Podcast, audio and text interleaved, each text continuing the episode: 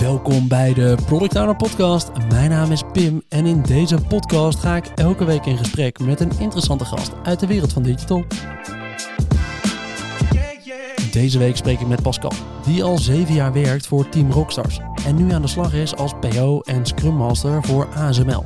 Pascal maakte niet de meest gebruikelijke stap. Hij was developer en werd PO. En dat geeft een mooie kans voor een gesprek. Want hoe kijken die developers nou eigenlijk naar hun PO? En welke inzichten krijg je als je die stap maakt? In deze aflevering bespreken we die developer versus PO-rol. En de verhouding tot jouw team. Want je zit in het team en niet boven het team, toch? Hey, leuk om je in de podcast te hebben, Pascal. Hey, goeiedag Pim. Wat Leuk. leuk om hier te zijn. Hey, je hebt een beetje een controversiële combinatie te pakken met PO en Scrum Master. Ja. Waarom werkt dat voor jou wel? En dan had ik ook op papier nog ergens de ambitie om lead developer te zijn. Nee, dat, eh, dat werkt niet. Nee, ehm, toen ik bij ASML binnenkwam, heb ik een, eh, eigenlijk een mooie analyse van het project gedaan. Eh, daar had Rockstar een idee voor een team bij. En daar zou ik dan als lead developer slash Scrum Master de rol gaan spelen. Ja. En toen heb ik inderdaad het team gevormd rondom de opdracht. Eh, en daar ben ik eh, toen aan de slag gegaan. In het begin onder een product owner vanuit ASML zelf. Ja. Ehm, en dat was een, een business product owner. En, en ja, misschien moet ik even wat context geven over de opdracht zelf. Kijk, Ja. wij, wij zijn een migratieteam. In die zin hebben we een hele grote eh, ja, technical debt repository waar eh, 800 man aan werkt. En die moeten verplaatsen van A naar B. Of in ieder geval op gaan knippen. Jezus. Ja. Ehm, nou, dat is eh, hitting a move- moving target. en daar heb je best wel wat expertise voor nodig om dat te doen zonder dat je 800 man boos achter je aan hebt lopen. Ja. Nou, eh, hens ons team. En ja, die product owner die daar zat, die was ik eigenlijk constant aan het betrekken bij, hè, wat doet het team nou eigenlijk? Le- Uitleggen wat wij vanuit het team aan het doen waren. Ehm, en dat was eigenlijk voor mij stakeholder management als, als teamlead slash scrum master was al de product owner vertellen wat wij technisch deden. Toen op een gegeven moment, ergens in Q2, Q3, stapte die product owner weg, want die werd chief product owner van een andere art. Juist. Ehm, ja, en toen was de vraag, wil ik nog een business product owner het project helemaal opnieuw uitleggen? Of pak ik hem als developer en ga ik gewoon de business vertellen wat wij gaan doen? Dat was voor mij de stap om te zeggen, nou, nu word ik product owner. En eh, gaan wij, gaan wij, ja, de stakeholders zijn ook de developers. ja. Dus wij gaan gewoon de stakeholders vertellen wat we gaan doen. Ah, en dat maakte dus een hele logische stap, omdat het project eigenlijk zo technisch was dat het meer vroeg om een technische PO dan dat het vroeg om een business PO die zo goed mogelijk stakeholder management kon doen. Daar, eigenlijk dat. Ah, Alleen nog ja. steeds heel goed stakeholder management. Want als jij bij een, eh, bij een safe omgeving eh, met, met ah, 10, 12 arts... Ja. ehm, En die arts, dat zijn die agile release Yes. trains, toch? Ja. Die je in safe hebt. Ja. Juist. Even voor de luisteraars die gelukkig ja. niet in safe zitten. Ja, heel goed. Ja. Die weten we eventjes, eh, die arts agile release trains. Dus eh, die heb je. Maar eigenlijk wilde ik even snappen, eh, je bent ook nog daarnaast wel Scrum Master gebleven van je team. Ja, dat staat een beetje in de, in de grote boekjes overal als eh, het is niet handig als je PO en Scrum Master bent van hetzelfde team. Daar ben ik het helemaal mee eens. Die boekjes hebben helemaal gelijk. Ehm, ik geloof er ook niet in dat de rechterhand en de linkerhand van het team dezelfde persoon moeten zijn. Ja. Ehm, waar je als product owner natuurlijk pusht op de backlog. Of ja, pusht op de backlog. Hè. Je zorgt ervoor, je challenge het team om output te leveren Ja. over jouw backlog.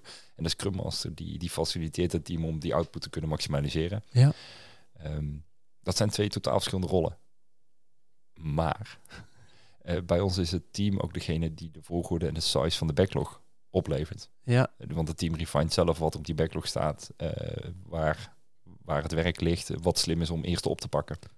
Dus in die zin ehm, ben ik meer de business aan het vertellen wat de volgorde van onze backlog is, ja, dan dat ik vanuit de business het team aan het vertellen ben wat de volgorde van de backlog is. En daar zit het verschil dat ik denk dat de Scrum Master Product Owner combinatie werkt. juist. En daarnaast is de maturity in het team ook gewoon heel hoog waarschijnlijk dan. Ja, ja we hebben echt een super tof team. Als Ja. jullie luisteren. nee, maar nee, we hebben een heel tof team die elkaar eh, echt super divers. Ja. Ehm, van, van mensen die net moeder geworden zijn tot, eh, tot, ja, tot, tot mannen boven de 50. Het is, het is echt een combo deal. eh. Ja, precies. Maar iedereen wel met ervaring Ja. die, die wil knallen. En dat scheelt een hele hoop. Hè. In, we het wel eens eerder in een aflevering over gehad met Scrum Masters. Dat ja, die maturity van je team heeft heel veel te maken met hoe belangrijk een Scrum Master eigenlijk is voor je team. Want ja, is je team onervaren en weten ze eigenlijk nog niet zo goed waar ze het in moeten zoeken, dan hebben ze waarschijnlijk veel meer van die handvatten en sturing nodig.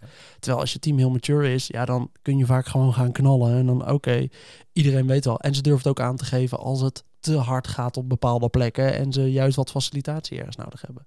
En ik geloof dat daar ook wel heel mooi de kracht zit dat ik nu dan voor dit team Scrum Master en Product Owner ben. Want ik Ja. zie en de roadmap aankomen. En ik zie de teamsamenstelling. Dus ik kan alvast gaan voorsorteren op moeten we wel of geen nieuwe mensen in het team krijgen. Welke profielen zijn er nodig om deze, deze oplossingen uh, te implementeren. Cool. We gaan zo meteen eens even eh, nog een flink stuk dieper op, uh, op dit onderwerp in. Uh, want ik wil het allemaal nog wel echt even een stuk beter begrijpen. Ik vind het leuk om eerst even een klein stukje persoonlijk bij je te starten.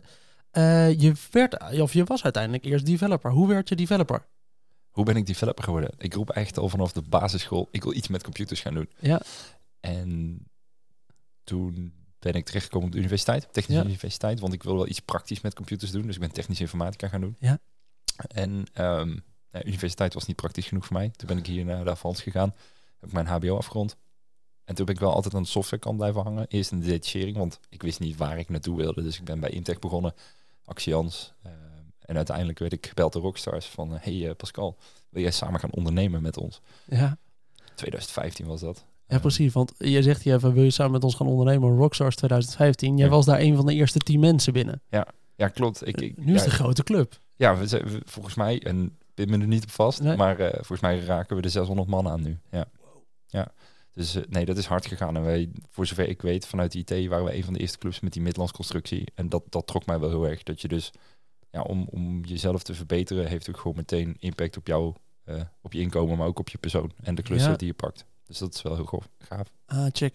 Wat is daar dan? Je zegt, uh, waren een van de eerste bedrijven die Midlands deed. Hoe werkt dat Midlands model bij Team Rockstars? In de hoofdlijn? Ja, het is uh, ja, je uurtarief is je, je inkomen. 70-30 model. 30, voor die 30 procent uh, doe zij de boekhouding, je, je, je sales, zorgen dat je opdrachten hebt. Uh, ja. Gave dingen zoals dit. Ja. Af en toe ja, voor je krijgt. Juist. Leuk. En daarnaast ben je, naast dat je die opdrachten doet, uh, als een van de eerste tien meegegroeid met dat hele verhaal van Rockstars. Ondertussen ben je daar ook Agile Tribe Lead, zag ik ergens voorbij komen. Ja. Wat moet ik me daarbij voorstellen? Ja, dat is leuk. Ik kreeg dus vorig jaar, um, ik, ben, ik ben best wel een tijdje Scrum Master, nu, nu vijf, zes jaar. Maar dat heb ik altijd kunnen combineren met mijn development rol. Um, en toen werd ik product owner en ik merkte dat ik heel erg, zeker bij ASML, is een grote corporate, zijn er collega's waar ik mee kan sparren. Hè? Dus ik loop tegen dingen aan. ASML, mensen bij ASML, die kijken natuurlijk al jarenlang naar hetzelfde probleem met een bepaalde blik. Ja. Zijn er mensen binnen Rockstars, want we zitten overal, um, kan ik daarmee sparren? En ik miste dat platform binnen Rockstars. Ah. Dus toen is langzaam het idee gaan kriebelen om daar een tribe over op te zetten. Wat heel grappig is, want de tribe is normaal over een tech stack. Ja. En dat maakt, ja, welke naam moeten we het geven? We hebben echt uh, goed een keer een avondje bier gedronken over om erop uit te komen dat het Agile ja, moest zijn. Want, want dat was de meest voor de hand liggende Agile naam die er lag. Uh, want, want ja, het gaat over procestechnieken met betrekking tot teams in grote of in organisaties. Ja. En ja, dat was te lang voor op de sticker. Ja. Dus dat. En toen, uh, ja, die Agile Tribe ben ik mee begonnen. Een aantal enthousiastelingen. En we, we zetten hem ook heel transparant op. Want iedereen in de Tribe draagt eraan bij. We doen één keer per maand stand-up met z'n allen. En, en kennisdeling is eigenlijk het voornaamste waar we mee bezig zijn. Ja, Ah, dat is wel cool om te doen hoor. Ik merk dat hier zelf ook wel intern dat het heel waardevol is dat ik niet alleen maar bij één klant vastzit en alleen maar dat wereldbeeld meekrijg. Maar eigenlijk daardoor met collega's kan overleggen, hey, maar in deze situatie, wat hebben jullie toen gedaan? Gisteren plaatste een collega nog, hey, in de reviews proberen we altijd echt strak terug te blikken op, uh, op de sprint. Uh, welke technieken gebruiken jullie eigenlijk in de reviews, anders dan gewoon het verhaaltje vertellen? Oh ja, maar wij gebruiken dit of uh, we gebruiken dit. En dat is heel cool, ja. want daardoor heb je een hele andere blik dan alleen maar het bedrijf waar je in zit. Ik snap, uh, ik snap de constructie. Mooi. Ah, gaaf. Leuk. Um, eventjes kijken. We hebben het even over Rockstars gehad. We gaan nu eventjes, uh, ik wil ook wel eventjes begrijpen die opdracht waar je nu op zit. Dan zeg je net van bij ASML. Ja, ik mag er niet te veel over vertellen. We, we, ik heb natuurlijk een NDA getekend, maar bij ASML, je bent bezig met een heel groot migratietraject daar. Ja. Hoe, wat moet ik me voorstellen bij een migratietraject? Ja, um, je kent het project wel. Het is zo gegroeid. Nou, ja. het is zo gegroeid. En uh, ja, voor developers daar uh, hebben ze nu ja, gewoon hele complexe code. Ik bedoel, ja. Wat ASML doet, even, daar mag ik echt wel wat over vertellen. Ja. ASML die maakt die machines die chips printen. En dan hebben we het echt over nanometerwerk. Ja. Nou, er is natuurlijk ook heel veel software achter. Ja. Um, en, en ik zit op een van die software stukken. Um, ja, dat is gewoon in de jaren zo gegroeid dat het eigenlijk nu op het punt is aangekomen, jongens, we moeten dit gaan opknippen. Ja. De, de, code is, uh, is gigantisch, er staan dingen bij elkaar die niet bij elkaar horen. Het gaat echt om de software die op machines zelf wordt gebruikt. Op een machine naast de machine. nice. Want er zijn natuurlijk veel meer machines. Dus Ja, de, de, ja. de stukken waar ik zit is de, uh, ja, de machine die de analyse doet van wat er uit de, de, hoofdmachine komt. Ja. En daarop terug rapporteert. Jeetje. Ja, dit is wel dit is echt complexe software. Dat, eh, dat zie je wel gelijk. En zeker als dat bij zo'n bedrijf inderdaad door, eh, door de afgelopen 40 jaar heen zo'n apparaat wordt doorontwikkeld. En eh nou, er worden toch Ja. wat stukjes van 10 jaar geleden nog ergens gebruikt. Maar er wordt ook iets nieuws op toegevoegd. Op een gegeven moment heb je zo'n bak code zitten. Dat moet op de een of andere manier opgesplitst worden. Ja, nou en dat... Aan eh, jou de schone taak. Dus eh, dat was inderdaad, eh, kijk, hun, hun teams zijn natuurlijk volle bak aan het vlammen voor, voor klanten en, en nieuwe dingen die moeten worden uitgerold. En Ja. dan is het wel eens goed om ja, een extern expertise team in te huren om te kijken van, hey, hoe gaan we dit nou, hoe gaan we dit nou knippen? Ja. En daar zit het hem in, eh, ja, daar zijn wij binnengekomen. Dus ik heb initieel heb ik die opdracht gehoord, toen heb ik het plan gezien wat zij hadden uitgestippeld vanuit de architecten daar. Ja. Nou, dat zag eruit als een, een oké plan. Ja. En dat eh, ben ik eigenlijk verder met de kennis die ik had, ben ik gaan opzoeken binnen het bedrijf, binnen Rockstars. Eh, heb ik gezegd van, hey, dit kan zo en zo. En plan van aanpak gemaakt en dat mogen we ook uitvoeren. Cool. Nou, laten we maar eens eventjes uh, naartoe gaan, want je kwam daar binnen als lead developer en bent ondertussen dus PO. Laten we hem even dus, de Scrum Master een beetje langs de zijlijn eh, houden daarin. Is goed. Ehm, maar waarom heb je de overstap überhaupt gemaakt naar PO? Want ja, die rol kwam eigenlijk beschikbaar, dus je hebt Ja. die eh, stap gemaakt. Waarom dacht je, ik ga dit zelf wel even rocken? Ja, dit was, het was heel eng. Laten we daar beginnen. Of ja, eng, spannend. Ja. Ik loop al jarenlang er tegenaan van, oké, ik ben developer. Ja. Maar ik, ik ben niet zo'n Rainman developer die, die het super gaaf vindt om het algoritme perfect te schrijven. Ik Ja. moet met mensen, wil ik verder komen, wil ik impact maken. En daar ligt mijn, ja, daar ligt echt wel mijn passie. Daar krijg ik energie van. Ja, Ehm, dus dat als Scrum Master, ik zal hem parkeren, maar Ja. als Scrum Master, eh, ook als lead developer, kijken naar wat, wat sluit er nou het beste aan bij de business. En ja, die product owner stap was altijd wel een, een natuurlijke volgende stap daarin. Van hoe kun je nu zorgen dat je met een team eh, zorgt dat het zo, zo nauw mogelijk aansluit bij de wensen vanuit die business. ja, Alleen, het is wel spannend, want je stopt met development. Je kunt echt niet product owner zijn en, En developer. En, en ook nog code gaan zitten kloppen. ja. Sterker nog, eh, dat is wel een best practice. eh, of tenminste, een lesson I learned. Wees alsjeblieft niet die product owner die de code reviews gaat zitten doen. Nee. Nee, daar wordt het echt niet beter van. Ja, ik, ik heb ze gezien. Eh, ja, dat is interessant. Je, je moet je team ook... Ik bedoel, als jij als product owner zelf de code moet gaan zitten reviewen... dan moet je eigenlijk je team aanpassen... zodat er in dat team mensen komen die dat kunnen. Nee, precies. Nee, dus dat ga je helemaal loslaten. En dat is voor veel developers toch wel zo eigen, ook het willen bouwen. Ja, en als PO, ja, dat, we, we moeten het nooit te hard zeggen, maar we zijn altijd allemaal een beetje bezig met de overkoepelende dingetjes. En ja, eigenlijk kunnen we allemaal niks. Mijn developers zeggen namelijk altijd tegen mij, ja Pim, dan had je maar een vak moeten leren als ik weer een eh, vervelende meeting inga. Ja. dus de- ik, krijg hem, ik krijg hem langs de andere kant terug. Want ik Ja. roep wel eens wat. En dan zie ik weer wat technisch probleem voorbij komen. En dan roep Ja. ik wat vanuit de kennis die ik Ja. heb. En dan zeg je, ja, st, het, sluit niet helemaal aan bij, eh, bij het antwoord wat verwacht. Dus ik moet wel leren om het, ik moet leren om het niet meer te doen. Ja. Development. Dus dat, eh, Dat is wel een mooie.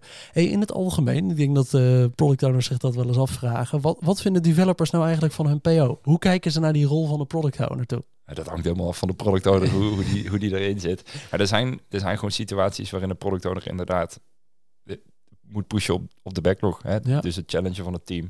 Alleen, ehm, ik denk de mooiste situaties die ik heb zien werken, is als de product owner en de scrum master samen eh, zorgen dat het team beter wordt. En, Ja. en dat bedoel ik dus dat de product owner, als hij echt gaat zitten drukken op een backlog, dat hij dat doet op het moment dat een, een scrum master ook aangeeft dat daar de ruimte voor is. Juist, want dan krijg je geen onnatuurlijke push, bedoel Nee. je? Nee, het, het moet natuurlijk wel haalbaar, haalbare targets zijn. Ja, En als ik dan, als ik dan zeg, ja, hoe kijkt een, een developer naar een product owner? Ja, als degene die wel bepaalt waar je aan werkt. Ja. En, en ehm, ja, die ook af en toe echt wel eens moeilijk kan doen op het moment dat, het, eh, ja, dat de deadlines niet gehaald worden. ja. Ja, nou, die snap ik, snap ik. Is nou het beeld vanuit een... eh, wat was jouw beeld van jouw PO in die tijd? Wat dacht je dat hij de hele tijd deed? En wat is er nu heel anders gebleken nu je zelf die product owner bent?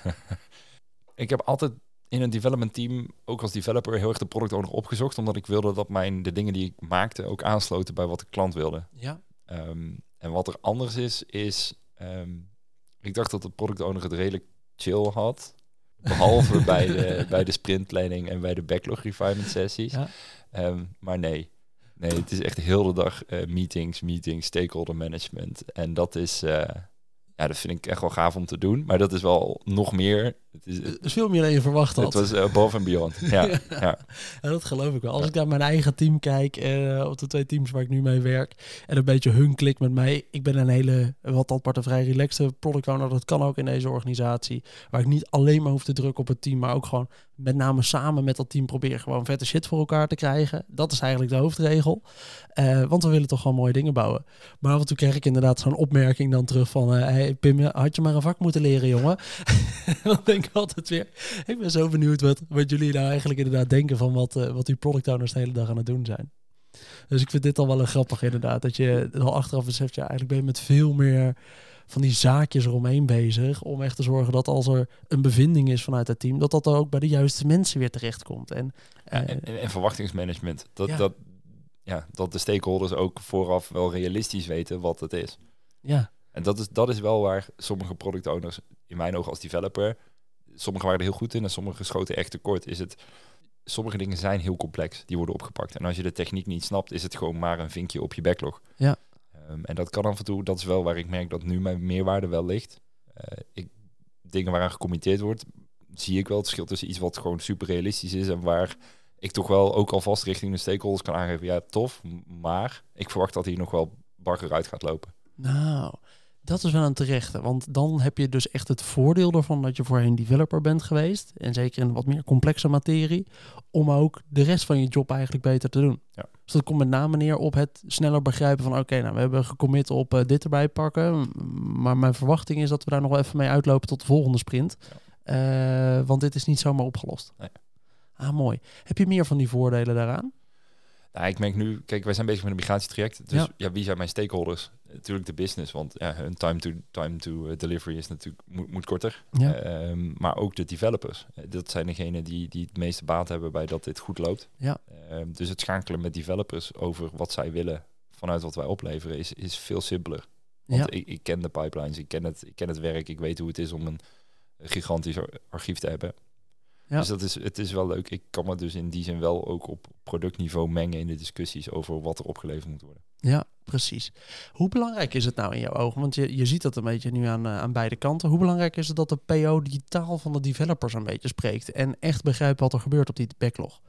Of kun je in jouw ogen ook gewoon goede PO zijn als je niet per se begrijpt waar iedereen echt mee bezig is? Daar, kan ik twee antwoorden op geven. Ja. Want het, er zitten voor's en tegens aan wat je zegt. Ehm, alle twee hebben voordelen. Dus het hangt ook af van hoe je team samengesteld is. Als jij een wat, wat seniorer team hebt die ook goed met jou over de, over de business als kan praten, Ja. ehm, ja, dan, dan, ja, dan hoef je die techniek ook niet te beheersen. Als jij echt seniors in je team zitten die zelf kunnen kart trekken, die, die backlog kunnen vertalen naar wat er moet gebeuren, Ja. dan, dan is dat een hele gezonde situatie waarbij je denk ik juist voordelen hebt als je die techniek niet beheerst. Ja. Want je kunt vanuit de business gaan drukken. Ja, ik, heb, ik heb de grappige combinatie. Ik heb één team waar ik heel goed begrijp wat we precies aan het doen zijn. En waar, we, waar ik ook veel harder daardoor op ga sturen. En ik heb één team, ja, die zijn echt met zo'n technisch stuk bezig. Dat ik ook gewoon heel eerlijk toegeef, elke keer. "Hey, jongens, ik begrijp echt niet waar we, waar we het nu specifiek in detail over hebben. Als we dit gaan toevoegen aan die ingester. Ja, dan snap ik niet helemaal precies wat we eigenlijk aan het doen zijn. Leg het me even uit. Maar tegelijkertijd heb ik gewoon eigenlijk één iemand in het team die echt gecommit is, een soort lead developer Ja. gemaakt. En die lead developer, die kan hem vanuit hun kant prima benaderen. Ja. En daarmee ben ik gewoon constant kort aan het schakelen, waardoor ik echt wel genoeg meekrijg. Maar als het echt over de techniek gaat, ja, ik, Ja, zo- Zo'n team zit ik dus in. En Ja. toen stapte mijn PO weg. En toen was het nou dan... ja, waarom zou je dan niet Ja. ook gewoon nog die PO-rol erbij pakken? Ja, dat is wel een, eh, wel een interessante. Ja, want je moet het anders zoveel weer, eh, weer gaan uitleggen. Hey, als je nou als eh, product owner, jij kent beide, beide richtingen. Als je nou als product owner het gevoel hebt dat de samenwerking met je team niet optimaal is. Wat kun je dan doen door eigenlijk die inzichten die je hebt vanuit de, ook de andere Ja. kant, doen om nou beter samen te werken met je team? Ja, dat, dat vind ik een hele gave. Ehm, ik zou altijd even gesprekken aangaan met je Scrum Master. Eh, want want eh, die heeft misschien wat andere invalshoeken. Waar zit de pijn, waar zit de druk? Hij, als jij het voelt, ziet hij het ook. Ja. Dat kan niet anders. Anders moet je misschien andere Scrum Master zoeken. Maar nee, iedereen voelt dat. Als jij dat gevoel hebt, dan zitten er ook mensen in je team die dat gevoel hebben. En wat ik dan altijd ehm, aangeef is... Of jij of je Scrum Master hebben in ieder geval genoeg tools en, en, en oefeningen om met je team gewoon te gaan doen. Dus zoek je team op, maak het bespreekbaar of bij een retro. Ja. Ehm, en geef gewoon aan hoe jij erin zit. Wees daar ook open over. Ehm, en, en ik ga, doe dat niet om te bashen, maar constructief. Hè. Ik ga er constructief in. Wat ik met mijn team bijvoorbeeld heb gedaan, is ik merkte dat ik in mijn hoofd wel die, die zes kwartaalplanning had zitten. Ja. Ehm, maar dat het in mijn team, dacht ik, niet zo leefde. Dus wat ik heb gedaan, is ik heb mijn team in de kamer gezet. Ik heb gezegd, jongens, eh, dit is eh, alternatieve retro. Mag ik, want ik ben ook Scrum Master. Ja. dit is alternatieve retro. En wat we gaan doen, is we gaan eens even... Jullie krijgen allemaal sticky notes. En ik wil hebben dat jullie op dit bord de zes kwartaalplanning gaan uitwerken. In, in, in, niet tot in de details, maar in hoe ziet die roadmap er nou uit? Waar Ja. zijn we eigenlijk mee bezig? Wat is het grote plaatje? Nou, die hebben ze helemaal perfect opgehangen. En ik denk, nou, oké. Weet je, maar die alignment sessie zorgde er wel voor dat eh, de senior mensen, die schreven het op. ja. En de junior mensen, die, za die zag je echt van, oh, dit- hier doen we het voor. En dat zorgde er wel voor dat alle neuzen weer dezelfde kant op kwamen. Oh, vind ik een mooie, een mooie actie. Want je gaat hem in plaats van... eh, sommige product owners hebben nog wel eens de neiging om een belezende eh, toon aan te slaan. Ja. En, en dit gaan we doen, dit gaan we doen. En in dit geval draai je hem inderdaad om en Ja. zeg je... Hé hey jongens, volgens mij begrijpen jullie het hartstikke goed. Laat eventjes zien wat we doen. Ja. Ik wil nog wel even de, de vraag daarbij stellen. Een zes kwartalen planning. Dus jij plant voor anderhalf jaar. Safe. Ja, tuurlijk. Ja. Oh.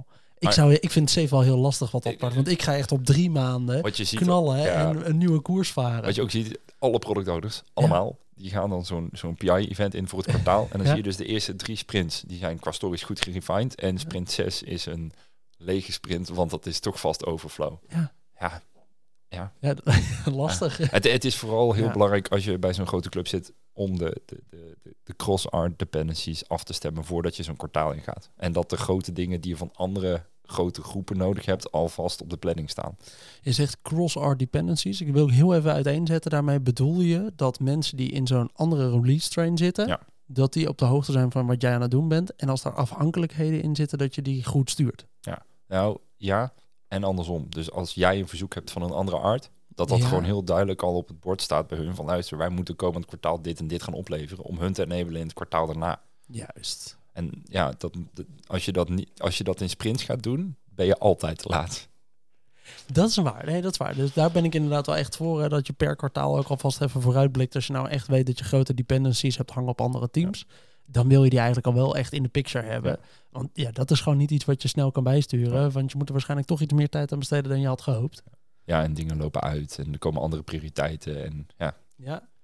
Hey, eh, nadat je die stap hebt, overge hebt gemaakt van developer naar product owner. Wat is nou echt zo'n uitdaging die je eigenlijk niet had zien aankomen?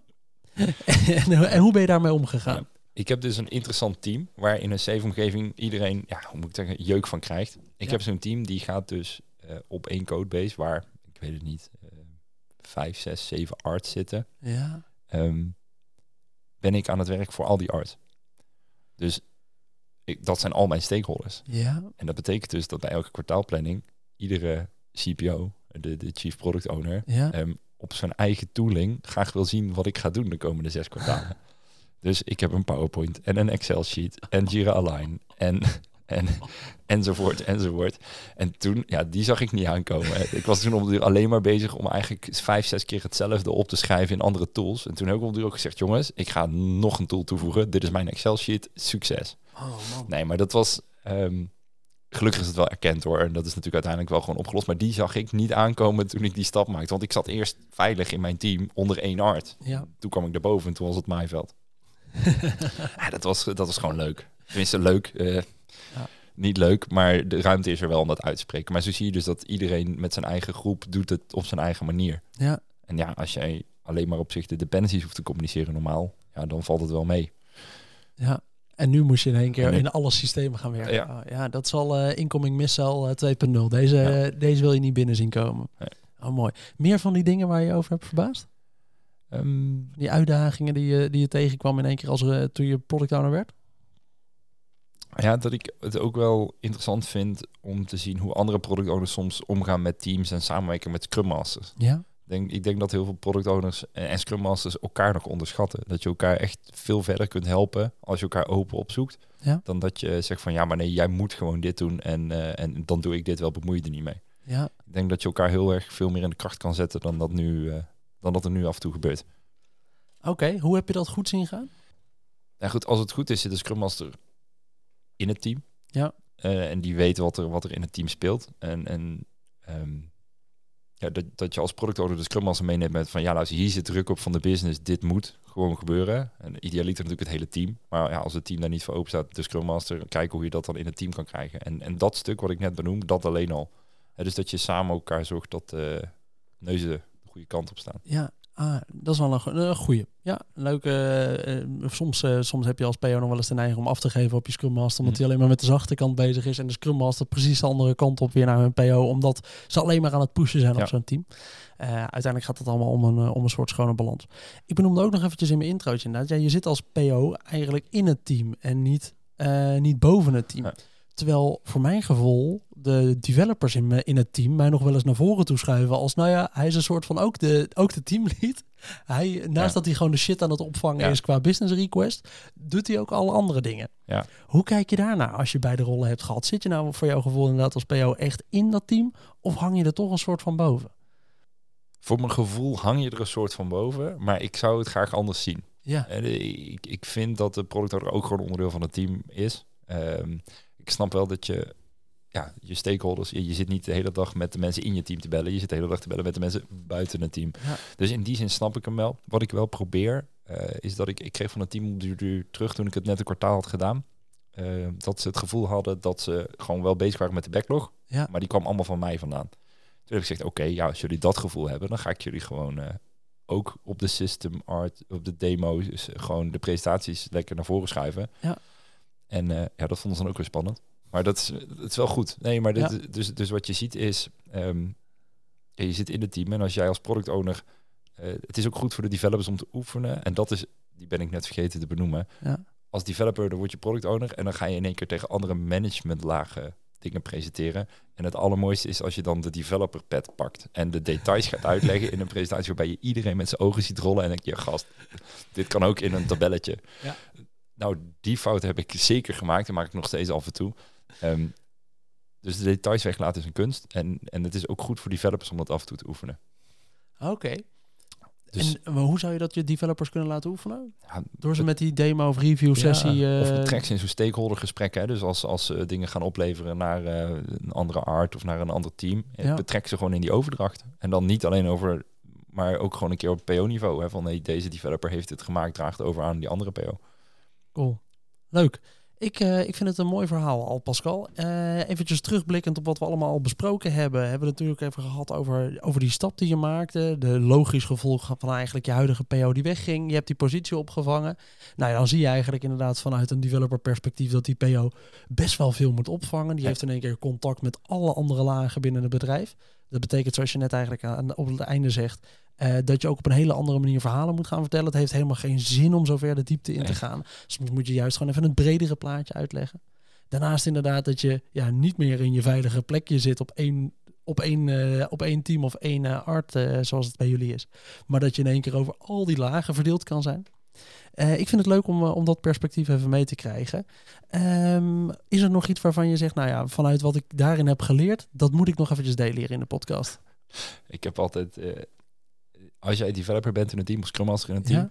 dan eh, als je op vakantie gaat Ja. en je komt terug, dan is het werk verder gegaan. En dan is, eh, als je als product owner op vakantie gaat en je komt terug, dan heb je hetzelfde werk als voor je vakantie, plus plus.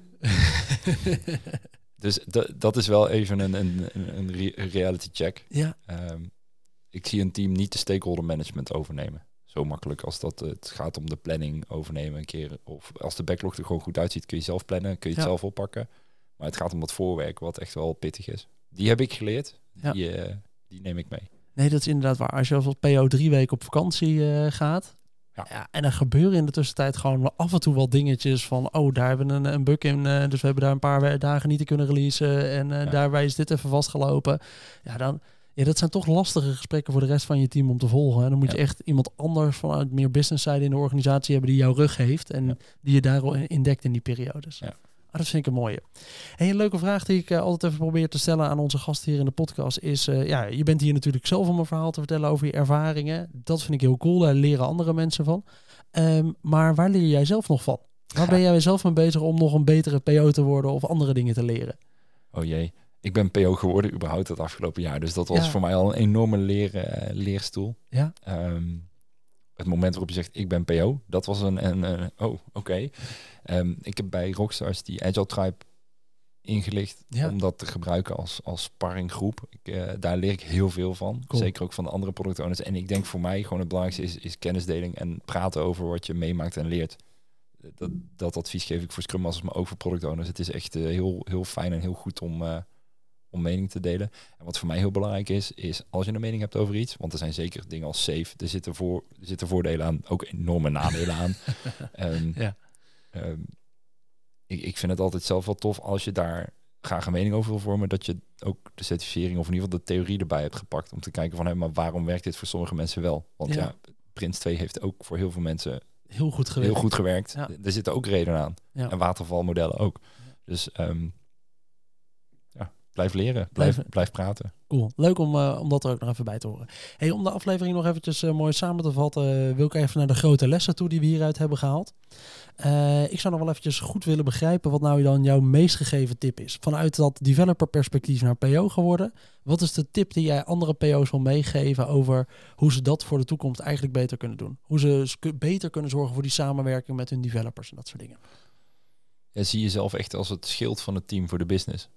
En Ja? dat is niet, niet omdat je de business allemaal eng is en zo, maar ehm, ja, je, je beschermt ze wel. Dat, dat 30 stakeholders tegelijk eh, de backlog gaan vullen en dat het allemaal eh, uit de klauwen loopt. En zie jezelf ook zo en neem die rol ook serieus. Ehm, en, en het is eigenlijk net als kinderen krijgen. Zo'n team opvoeden en, en ze langzaam kennis laten maken met, met enge topics om zichzelf te kunnen ontwikkelen. Ja. Ehm, ik denk dat je daar als product owner een enorm goede, grote rol in hebt. Om dat te faciliteren. Ja. Ja, cool, cool. Hey, en wat moet je nou vooral niet doen? Wat als je nou de, de PO bent? Op, wa- wanneer vindt een developer je nou echt een rot PO? Wanneer ben je nou echt een irritante vent? Op het moment dat elke sprint ongeveer de prio in het backlog verandert. Omdat er een klant Ah. weer iets nieuws heeft gewenst. Ja, Kijk, prio's veranderen, dat is logisch. Maar het kan niet zo zijn dat elke twee weken er een- iets wat nog niet af is, een nieuwe prio heeft over iets waar ze aan bezig waren. dus de vervelendste PO is eigenlijk een PO zonder visie op een termijn. Want dan geef je eigenlijk elke keer de blik, oké, we gaan nu dit doen. Oh nee, oh dat is nog niet afgekomen deze sprint. Nou, dat gaan we ook niet afmaken. Haal er maar uit. We Ja. gaan iets anders doen. Voor een developer is het ehm, het fijnst om dingen af te ronden. En daar kun je natuurlijk mee spelen. Je kunt zeggen, hey, dat hele grote ding, dat krijgen we nooit in één sprint af. Laten we, laten we het mixen. Ja. Maar zorg er dan in ieder geval voor dat er successen gevierd worden van die stukken die wel af zijn. Precies. Eh, dat het niet allemaal blijft hangen. Mooi. En daarnaast zei je inderdaad dat schild zijn voor je team. Dus ook zorgen dat, eh, dat die shit je team niet raakt. En dat ze gewoon tijd hebben om te focussen. Ja. Cool. Hey, ik vind het een leuke aflevering, eh, Pascal. Ik denk dat we een paar goede dingen uiteen hebben gezet. Ik haal er zelf ook weer wat leuke tips uit. Eh, ik vond het onder andere een hele leuke die je zei. eh, ook om, het is bijna meer een scrum master rol. Maar als PO is het ook leuk om dat soort dingen af en toe even toe te passen. Door te zeggen tegen een team. hey, wat is nou eigenlijk de visie waar we op sturen? Wat willen we nou eigenlijk voor elkaar krijgen? Nou, in jouw geval misschien zelfs wel zes kwartalen. Maar voor andere teams misschien wel gewoon zes maanden. Ehm, ja, challenge je team. eens. Hebben ze eigenlijk wel in beeld wat jouw visie is? En hebben ze hem dan niet in beeld, dan kun je ook zelf wat vaker die visie gaan vertellen en vanuit daar weer verder gaan sturen. Vond ik ook echt Ja. een, eh, een leuke tip die ik mee ga nemen. Tof. Hey Pascal, als mensen nou vragen hebben naar aanleiding van deze aflevering, mogen ze dan een bericht sturen via LinkedIn? Ja, zeker. Zeker, kom maar in de lucht. Cool, dat is Pascal Kiest op LinkedIn. Dan bedank ik iedereen weer voor het luisteren naar deze aflevering van de Product Owner Podcast. Vond je dit nou een leuke aflevering? Vergeet dan niet om een review te geven in je favoriete podcast app. Trouwens, ken luister je vandaag via Spotify, dan kun je daar ondertussen ook een Q&A beantwoorden. Laat vooral weten wat voor onderwerpen we bijvoorbeeld nog moeten bespreken of wat je van deze aflevering vond. Heb je nou nog vragen of opmerkingen voor mij naar aanleiding van deze aflevering? Stuur me dan vooral een berichtje op pim.productowner.nl of via LinkedIn, dat is Pimpot. En dan hoop ik dat je de volgende keer weer luistert. Tot dan!